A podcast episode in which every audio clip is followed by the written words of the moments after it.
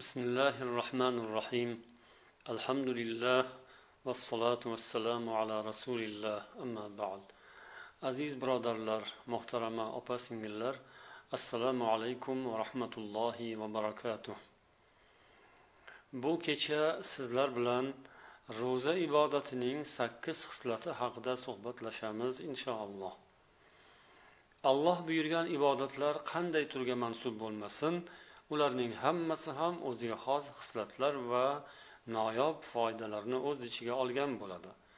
Jumladan ro'za ibodati ham u xoh ramazonda bo'lsin xoh undan boshqa paytlar bo'lsin nihoyatda ko'p fazilatlarga ega. Biz bu suhbatda fikr yuritish uchun ana shu fazilatlardan sakkiztasini tanlab oldik. Birinchi xislat.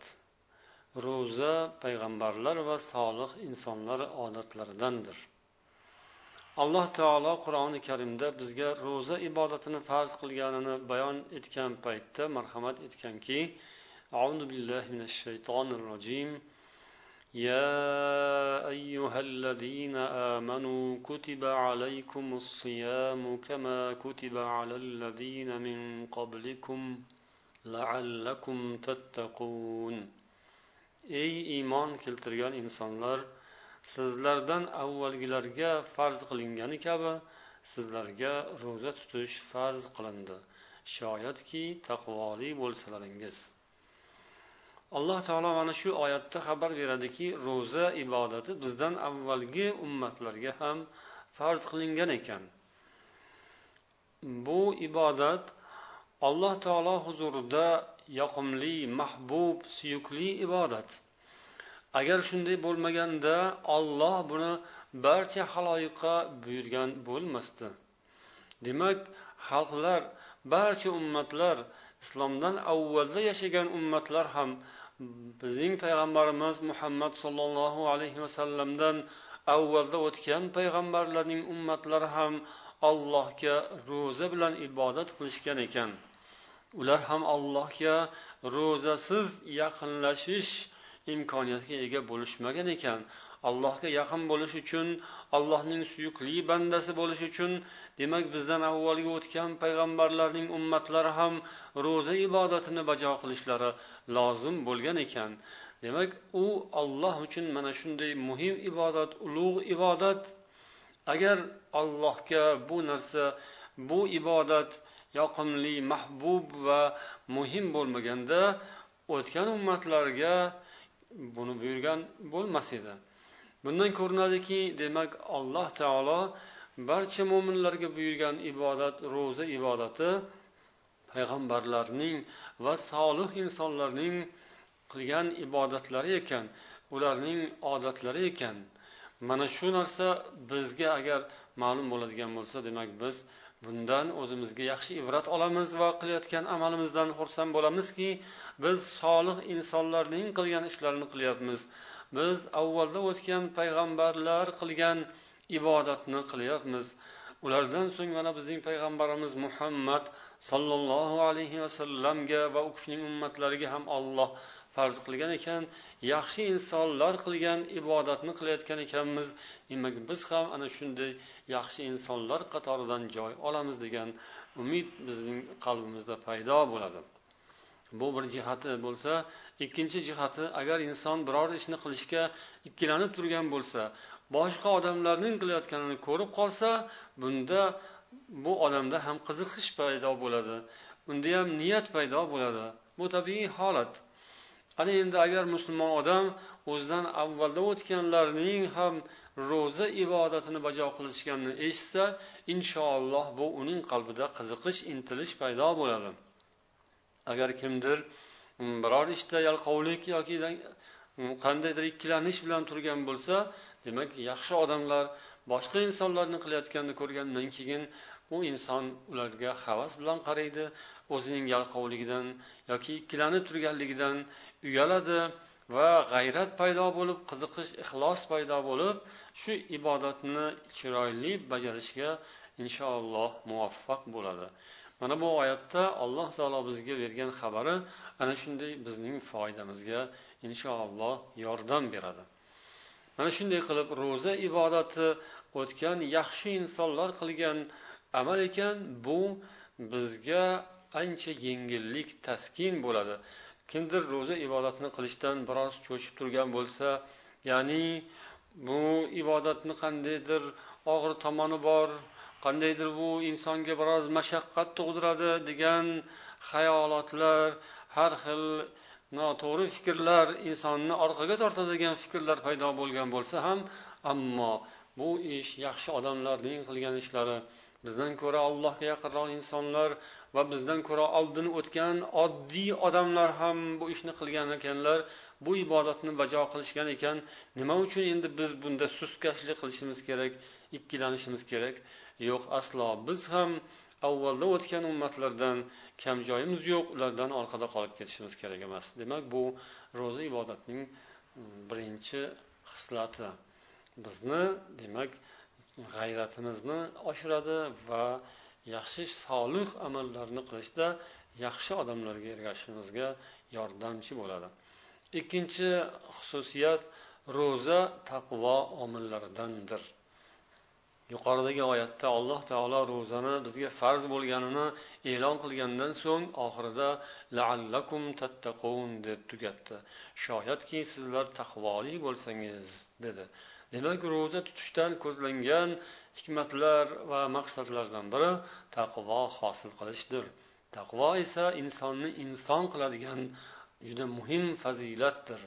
Taqvo ollohdan qo'rqish degani ekan taqvosi bo'lmagan odam ollohdan qo'rqmaydi. Ollohdan qo'rqmasa undan har narsani kutish mumkin. Taqvo insonning nafsini jilovlaydi. Taqvo insonni to'g'ri yo'lga boshlaydi. U xalq oldida ham xoliq oldida ham o'zini tutib osoyishtalik bilan iymon bilan yaxshi xulq bilan ibodat bilan halolu poklik bilan sharmu hayo bilan umr o'tkazishga umrining barakotli bo'lishiga sabab bo'ladi. Taqvo ana shunday foydali narsa. Ro'za esa shu taqvoni paydo qiladi va kuchaytiradi. Ro'za tutgan odam ixlos e'tiqod bilan bu ibodatni bajargan odamning qalbida allohga yaqinlik paydo bo'ladi taqvo paydo bo'ladi. Shunday qilib inson parvardigori olamni yana ham yaqinroqdan biladi va unga o'zi ham mahbub bandaga aylanadi. Uchinchi xususiyat ro'za jahannam o'tidan pardadir. Haqiqatan ro'za haqida payg'ambarimiz sollallohu alayhi vasallamning shu mazmundagi hadislari bor. Payg'ambar sollallohu alayhi vasallam aytadilar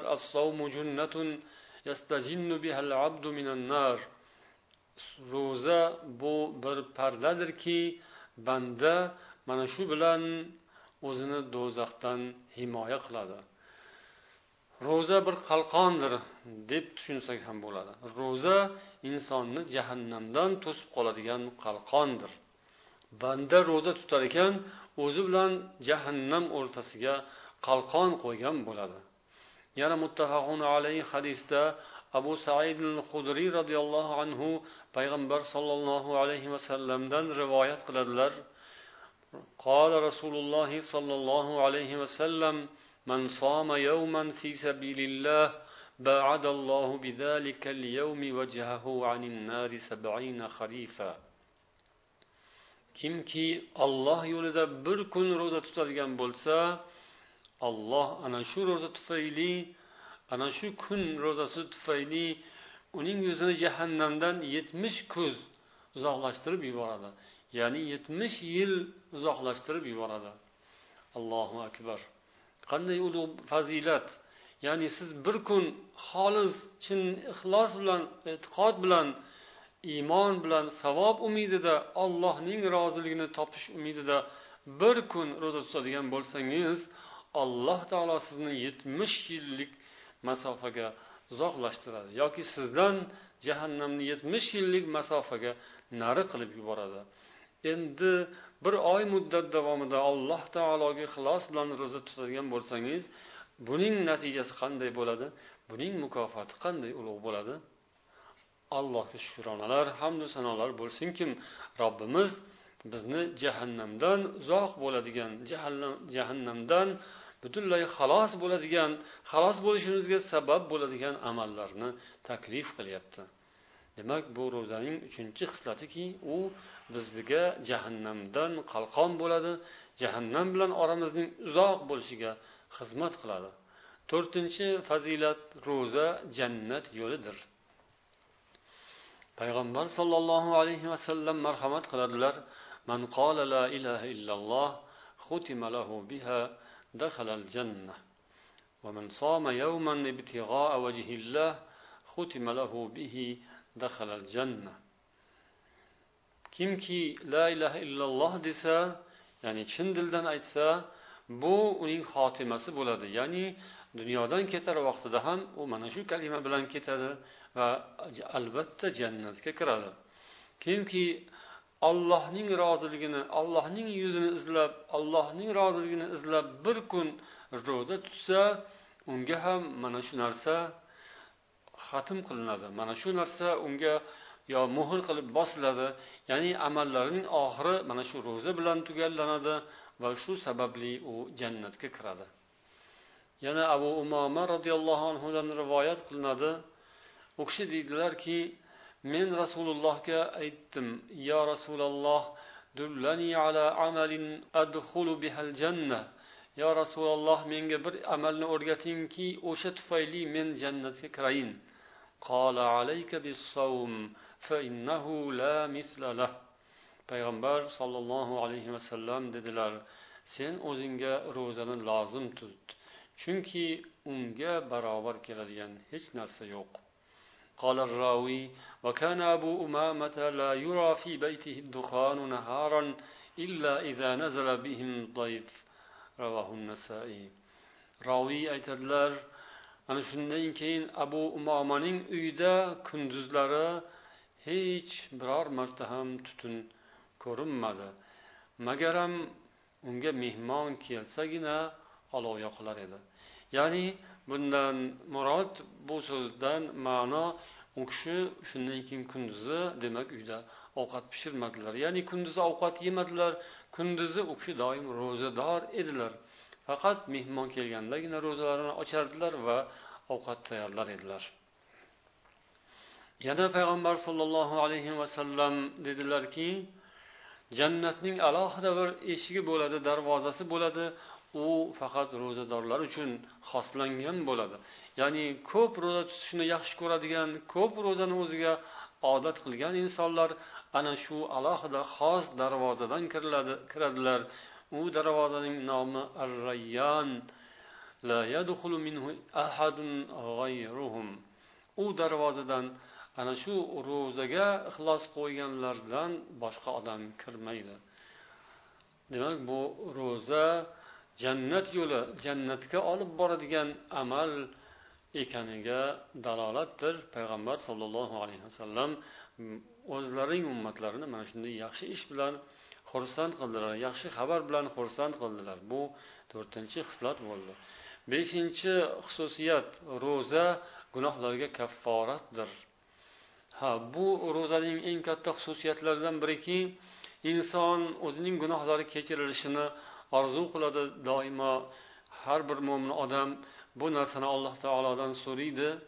Ro'za yaxshi amallarning yaxshisidir.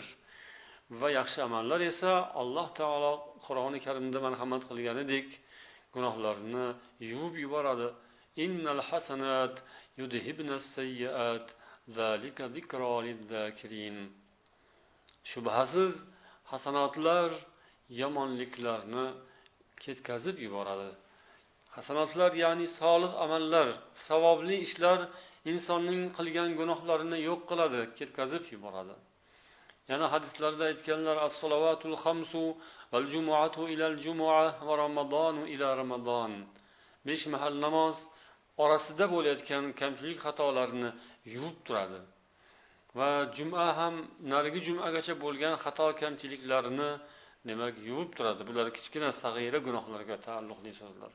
Ramazon ham bunisidan u ramazongacha bo'lgan ko'pgina mayda gunohlarni yuvib yuboradi. Mayda gunohlar ham hazil fahmlanish kerak emas unga ham past nazar bilan qaralish kerak emas ya'ni mayda gunohlar hech narsa qilmaydi. Yo'q aksincha balki mayda gunohlar ko'paygandan keyin u katta gunohga kabira gunohga aylanadi. Ular ko'payib ketgandan keyin undan ham qutulish qiyin bo'ladi inson. Ammo mana shu ro'za ibodati boshqa ibodatlar qatori gunohlarni yuvilib turishga ko'paymasdan yuvilib yo'q bo'lib ketishiga xizmat qiladi alloh bizga barchamizga ilohim shu ro'zalarimiz sabab bo'lib gunohlarimizdan poklanib olishimizni nasib etsin payg'ambar alayhissalomning hadislari boshqa suhbatlarimizda o'tdiki من صام رمضان إيمانا واحتسابا غفر له ما تقدم من ذنبه kimiki ramazon ro'zasini iymon bilan va savob umidida tutadigan bo'lsa uning barcha o'tgan gunohlari kechiriladi dedilar. Demak bu ro'zamiz bizga mana shunday foyda. Chunki bu ro'zada riyo bo'lmaydi. Bu ro'zani maqtanchoqlik uchun tutilmaydi. Ko'p odam demak ro'zani hatto riyokor e, bo'lsada xudo asrasin astag'firulloh ba'zi riyokor odamlar qilayotgan amalini gapirib ko'rsatishni yaxshi ko'radi. Ammo ro'zani to o'zi gapirmasa bilinmaydi namozni esa masalan riyokor odam odamlarni oldida chiroyli qilib namozni o'qib ko'rsatsa gapirmasa ham odamlarga o'sha narsani bildirgan yetkazgan bo'ladi. Yoki qur'on o'qiyotganda riyo qilib o'qisa u ham demak harakati bilan odamlarga eshittirgan bo'ladi. Ammo ro'zada esa bunday qilish qiyin. Ro'zada maqtanib tiliga chiqarib gapirmasa odamlar uning ro'za tutganini bilmaydilar. Demak ro'za riyodan ham ancha xoli xotirjam qilsa bo'ladigan ibodat. Ro'zani odamlar ichiga aralashib yurib ham bajo qilish mumkin. Namozni esa odamlar ichida o'qisangiz tilovatni odamlar ichida bajo qilsangiz riyo aralashish xavfi bor. Ammo ro'zani bemalol har qanday joyda tutib ketaverasiz har qanday jamoatning ichida odamlarning ichida o'zingizni bildirmagan holda allohga ibodat qilayotgan bo'lasiz. Ham odamlar bilan gaplashib turibsiz odamlar bilan aralashib yuribsiz lekin shu vaqtning o'zida siz allohga ibodat ham qilyapsiz. Shuning uchun ham olloh bu ibodatni juda ko'p yaxshi ko'radi va unga juda katta savoblarni ato qiladi va gunohlarini kechiradi. Demak bu beshinchi xislat ro'za gunohlarga kafforat ekani haqida edi. Oltinchi xususiyat ro'zani olloh o'ziga bog'lagan. Ha alloh taolo bu ro'za ibodatining ahamiyatini yuksak ekanidan o'ziga bog'lab zikr qilgan. Aslida boshqa ibodatlar ham hammasi olloh uchun lekin ular haqida unday demadi. Xosatan ro'za haqida aytdiki kullu amal ibn adama lahu illa savm fa innahu li. Barcha amallar. Odam bolasining barcha amallari uning o'zi uchundir. Magaram ro'za ro'za u shubhasiz men uchundir dedi. Buning sababi nima? Bu olloh huzurida ro'zaning sharafi maqomu martabasi shu juda ham ulug' ekanidan. Olloh ro'zani boshqa ibodatlarga qaraganda ko'proq yaxshi ko'rishidandir. Va yana banda ro'zada ixlos ko'proq amalga oshadi. Ixlos ro'zada ko'proq mavjud bo'ladi. Namoz va tilovatda yoki sadaqa ehson qilayotganingizda riyo aralashishi mumkin. Ha mana mani ko'rdi yoki mana sadaqam ehsonimni oldi endi mani maqtaydi mani yaxshi ko'radi degan narsa insonning xayolidan o'tib shu ibodat maxluqlar tomoniga ham qandaydir miqdorda burilib qolishi xavfi kuchli. Ammo ro'zada tilini ehtiyot qilsa bu ro'zada demak ko'p katta foyda bo'ladiki ro'zada chinakam ixlos insonga nasib bo'ladi. Inson qalbida shunday bir taqvo hokisorlik kamtarlik paydo bo'ladiki mana hozir qorningiz och tashna bo'lgansiz lekin birovga gapira olmaysiz qornim och deyolmaysiz tashnaman deyolmaysiz. Uyat bo'ladi ro'zaning savobi ketadi. Demak shu tashnaligingizni qorningiz ochligini o'zingiz yengasiz. O'zingiz bilasiz olloh biladi. Boshqa odam bilmaydi. Bildirishga harakat qilmaysiz. Harakat qilmasangiz u bilmaydi. Demak bu sizu olloh bilan birga. Siz bilan olloh o'rtasidagi holat. Shuning uchun ham olloh yaxshi ko'radi. Ammo boshqa holatlarda esa bundan ko'ra boshqacharoq. Demak alloh taolo bu ibodatni qilayotgan odamning qalbidagi ixlosi e'tiqodini bilib turadi ko'rib turadi ro'za bilan inson ko'proq kamtar bo'ladi ko'proq hokisor bo'ladi ko'proq ollohga bog'liq bo'ladi. U xohlagan paytda ro'zasini ochib yuborish mumkin edi lekin shunday qilmaydi. Uni odamlar ro'za tutgani bilmadimi ochganini ham bilmaydi ammo olloh bilib turadi. Shuning uchun bandasi olloh uchun deb tutdimi olloh uchun deb o'zini tiyadi. Tilini tiyadi nafsini tiyadi va inshaalloh juda katta savobga erishadi. U olloh uchun bu ibodatlarni bajo qilganini olloh ham aytadiki u bandam o'zining shahvatini xohish istaklarini va taomini men uchun tark qiladi. Ana shuning uchun ham men u ibodatni o'zim mukofotlayman degan كل عمل ابن آدم له إلا الصوم فإنه لي وأنا أجزي به ana o'sha ro'za albatta men uchundir va uni men o'zim mukofotlayman degan alloh taolo bu ro'zani o'ziga bog'ladi va uning mukofotini ham berishni o'zining zimmasiga oldi bu ro'zaning darajasi olloh huzurida nihoyatda ulug' ekanini ko'rsatadi akramul akramin bo'lgan podshohlarning podshosi bo'lgan bu koinotning egasi yaratuvchisi qiyomatning egasi va podshohi bo'lgan zotning o'zidan mukofot olish o'zidan savob olish bu qanday ulug' fazilat? Boshqa savoblarni ham albatta olloh beradi lekin ro'zanikini alohida zikr qilgan boshqa ibodatlarga o'zim savob beraman deb aytmagan ammo ro'zaga o'zim mukofotlayman degan demak buning azamati nihoyatda yuksakdir. Endi oxirgi xislat yettinchi xususiyat ro'za tarbiya maktabidir. Haqiqatan shunday. Ro'za paytida inson o'zining xulqini tuzatishi lozim tilini tiyishi lozim o'zini og'ir bosiq tutishi sabrli bo'lishi talab qilinadi. Payg'ambar sollallohu alayhi vasallam aytadilarki فإذا كان يوم صوم أحدكم فلا يرفث ولا يصخب فإن صابه أحد أو قاتله فليقل إني صائم agar sizlardan biringiz ro'za tutishadigan kuningiz bo'lsa unda behuda uyat so'zlarni gapirmasin janjallashib baqirib chaqirishmasin Agar birov u bilan so'kishib qolsa yoki urushib qolsa bu men ro'zadorman deb aytsin deganlar. Demak payg'ambar sollallohu alayhi vasallam mana shu ro'za orqali mo'min musulmonlarning tarbiyalarini yo'lga qo'yganlar. Musulmonlar ro'za orqali nafslarini ham xulqlarini ham tarbiya qiladilar.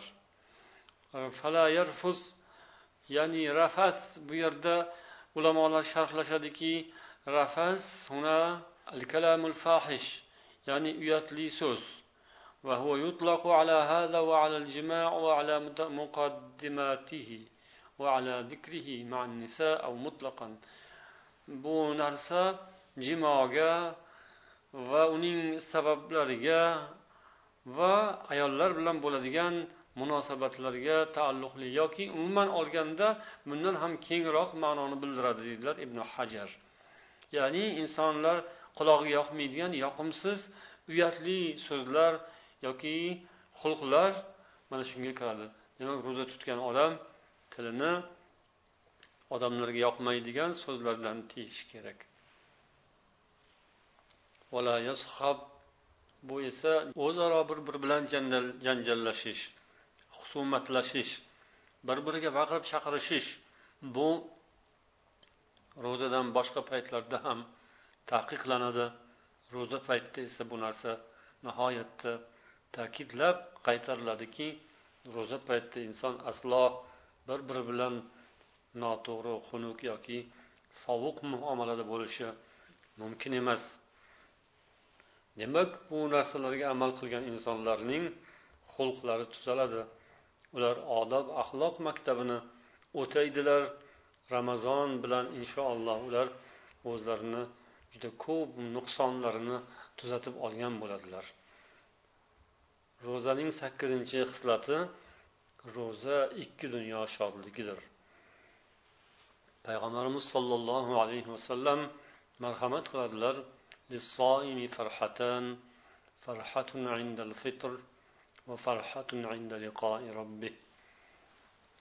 Ro'zador odam uchun ikki xursandchilik bor. Bir xursandchilik og'iz ochayotgan paytda ikkinchisi esa robbisiga yo'liqqan paytdadir. Og'iz ochayotgan mahalda iftor paytida demak bir xursandchilik bo'ladi. Ya'ni bu dunyodagi xursandchilik bu. Buning sababi banda shu kuni yemasdan ichmasdan o'zini nafsini tiyib sabr toqat bilan odob bilan husni xulq bilan to kun batar paytigacha eson omon yetib keldi va inshaalloh allohning roziligiga erishib uning shu kun ro'zasi uchun ato qilgan savobini hosil qildi. Mana bu narsa insonga albatta mo'min insonga xursandchilik bo'ladi. Shu bilan bir qatorda alloh taolo yaratgan halol nozu ne'matlardan tamaddi qiladi bahramand bo'ladi dasturxondan demak tanovul qilib iftor qilib og'zini ochib nafsini ham biroz orom oldiradi. Bu ham insonga xushnudlik baxsh etadi. Eng muhimi u oxiratga borganda alloh taolo huzurida bu dunyoda qilgan ibodatlarning savobini olganda haqiqiy xursandchilikka erishadi inshaalloh. Payg'ambar sollallohu alayhi vasallam aytadilarki الصيام والقرآن يشفعان للعبد يوم القيامة. الصيام والقرآن يشفعان للعبد يوم القيامة. ro'za va qur'on qiyomat kuni banda qilishga o'tadilar يقول الصيام أي ربي منعته الطعام والشهوة فشفعني فيه ro'za aytadiki robbim bu odamni men ovqatdan va shahvatdan to'sdim. Meni buni shafoat qilishimga ruxsat ber deydi.